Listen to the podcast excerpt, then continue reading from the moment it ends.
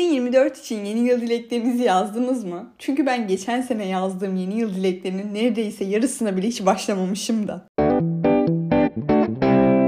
Herkese selam arkadaşlar. Yarın sabah başlıyorumun yeni bölümüne hoş geldiniz. Ben Ayşenur, beni Strong Broccoli ve Ram Broccoli hesaplarımdan tanıyorsunuz. Diyetisyen ve psikoloğum. Bu bölüm biraz yeni yıl dileklerimizden, yeni yıl hedeflerimizden konuşalım dedim. Malum 2024 yaklaştı. Yılın bu zamanları bence kesinlikle yeni başlangıçlar, yeni ilerlemeler, hayaller için aşırı motive edici ve güzel bir dönem oluyor. Hele ki diyet ve egzersiz için tam hedef koymalık bir zaman olduğunu söylememe gerek bile yok. Ama sadece diyet ve egzersiz için değil bence. Dili öğrenmek olabilir, daha temiz ve düzenli olmak olabilir ya da iş hayatımızla ilgili vereceğimiz kararlardan herhangi birisi olabilir. Bunlara ekstra motive olduğumuz bir dönemdeyiz. Biliyorsunuz işte çekim yasası, manifest, ritüel bunlar bu aralar özellikle çok çok popüler şeyler. İşte hedeflerini yaz, e, dörde katla, cebine koy, cebine koyduğunu unut, beşinci günün şafağında denize gibi çeşit çeşit şeyler var. Telefonun arka planı yap para resmine. Yani gerçekliği inanıp inanmamak tamamen size kalmış şeyler. Ama bence hepsinin temeli, sonucu aslında bir hedef koyup ona yönelik çalışmakta. Yani sadece hedefi koymakla olabilecek bir şey değil. Ama bizim kültürümüzde de işte ağzından çıkana dikkat et. 40 kere söylersen bir şey gerçek olur gibi durumlar var biliyorsunuz.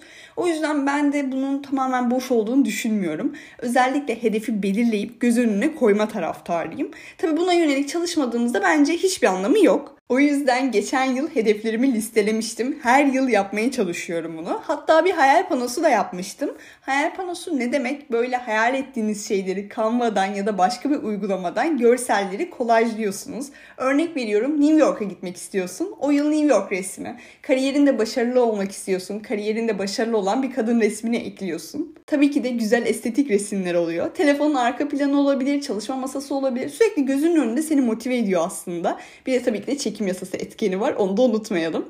2023 biterken bir listeme bakayım dedim. Yani ben ne kadarını yapmışım, ne kadarını yapmamışım. Yani şu listeye bir baktım. Yarısı kesinlikle yapılmamış. Hatta öyle ki bir kısmını ben daha geçenlerde belki bir iki gün önce ya şunu yapsam mı ya başlayayım artık yapayım diye konuştuğum şeyler. Yani bir yıldır hala konuşuyorum. Yapmak istesem 50 defa başlayıp yol kat edebileceğim şeyler.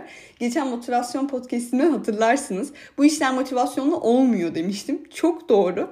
Plan program kurup sistemli bir şekilde istemediğimiz bir şey için motivasyon yeterli olmuyor. Çünkü genelde yeni yıl dilekleri o kadar genel, o kadar herkesin aynı şeyleri istediği maddeler oluyor ki. Örnek verecek olursam çok fit. Birinci madde bu sene erken kalkacağım.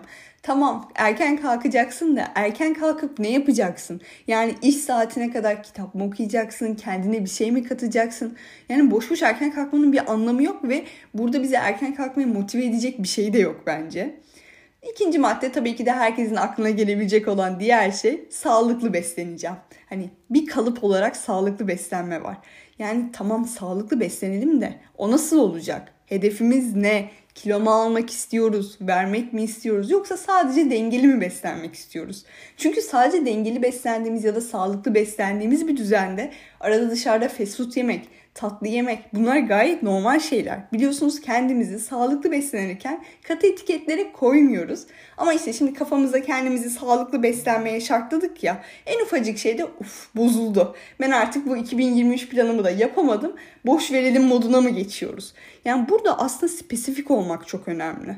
Yine başka bir herkesin koyduğu madde spor yapacağım.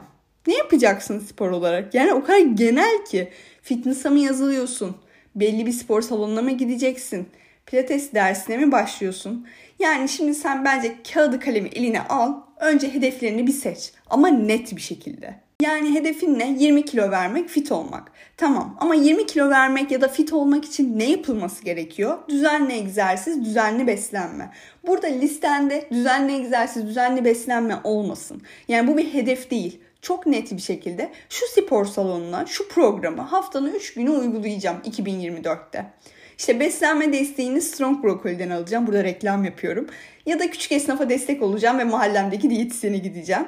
En, en önemli maddeyi atlamıyoruz kesinlikle. Bunları kimseye göstermiyoruz. Yani İster negatif enerjide, ister kem gözde. Yani insanlar işin içine girince bir istek azim kaçıyor bence en yakınımız olsa da. Bunlar senin kendine sözün olsun. Kimseye göstermek zorunda değilsin. Yani ben diyetisyen olarak da bir danışanım örneğin diyete başladığını tüm çevresine duyurduğu an bence o işte bir sıkıntı başlıyor. Yani çevresindekiler engel olmak istemiyor aslında destek olmak istiyor ama işte bir şekilde engel oluyorlar aslında farkında olmadan. Bence işin en güzeli bu sözleri kendimize vermemiz ve kimseye bahsetmememiz. 2024 yeni yıl dilek listemizin genel cümlelerle bezeli olmaması gerektiğini ve detay detay olmasının öneminden bahsettim. Evde kimseye haber vermememiz gerektiğini de söyledim. Artık biraz işin gerçekçiliğinden de bahsedebiliriz bence. Gerçekçilik derken aslında şunu söylemek istiyorum. Hayat çok akışkan. Ben geçen yılki dilek listeme baktığımda yani bu yıl için yazmış olduğum listeme baktığımda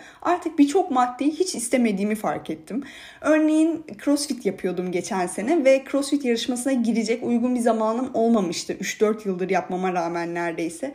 Çünkü ameliyat olmuştum. işte çok yoğun bir dönemdeydim. Yarış farklı şehirdeydi. Oraya gitmek istemiyordum gibi gibi birçok şey vardı hayatımda. Ve bir türlü bir yarış dönemine girememiştim. Geçen sene artık ben 2023'te en iyisi bir CrossFit yarışmasına katılayım diye düşünüyordum. Fakat neredeyse 3-4 ay içinde 2023'te CrossFit'e ara verdiğim, daha çok koşuya başladığım, ilk yarım maratonumu koştuğum bir sene oldu. Şimdi de umarım ileride maraton koşarım diyorum. Ve listemdeki CrossFit yarışması maddesine baktığımda benim için çok anlamsız görünüyor. Veya o dönem bisiklet almıştım ve 2023'te düzenli bisiklet süreceğimden bahsetmişim ben listemde. Fakat artık koşudan arta kalan zamanlarımda benim fonksiyonel antrenman yapmam daha mantıklı bir seçenek oldu ve bisikleti pek kullanmadım açıkçası.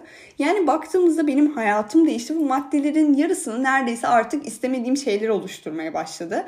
Bunlar benim başarısız olduğum ya da işte maddeleri tamamen yapamadığım anlamına gelmiyor. Hayat akışkan ve isteklerimiz de buna yönelik değişiyor. Muhtemelen şimdi 2024 listemde maraton koşmak olacak ama bunu 2023 listemde düşünseydim saçmalama falan derdim muhtemelen kendime. O yüzden kendimize aşırı sert ve yapamadığımız, gerçekleştiremediğimiz şeyler için kızgın olmayalım. Çünkü şekil değiştiriyoruz ve o artık bizim için uygun olmayabilir. Ama hala bizim için bir anlam ifade eden ve gerçekleştirmemiz gereken hedeflerimiz varsa bunlar için de çalışmaya devam etmek gerek elbette. Ben şimdi 2024 dileklerimi yazmaya ve hayal panomu oluşturmaya gidiyorum. Bir sonraki bölümümüzde de yılbaşı sofralarından bahsedeceğim. E bence hakkım var. Bir sonraki bölümde görüşmek üzere.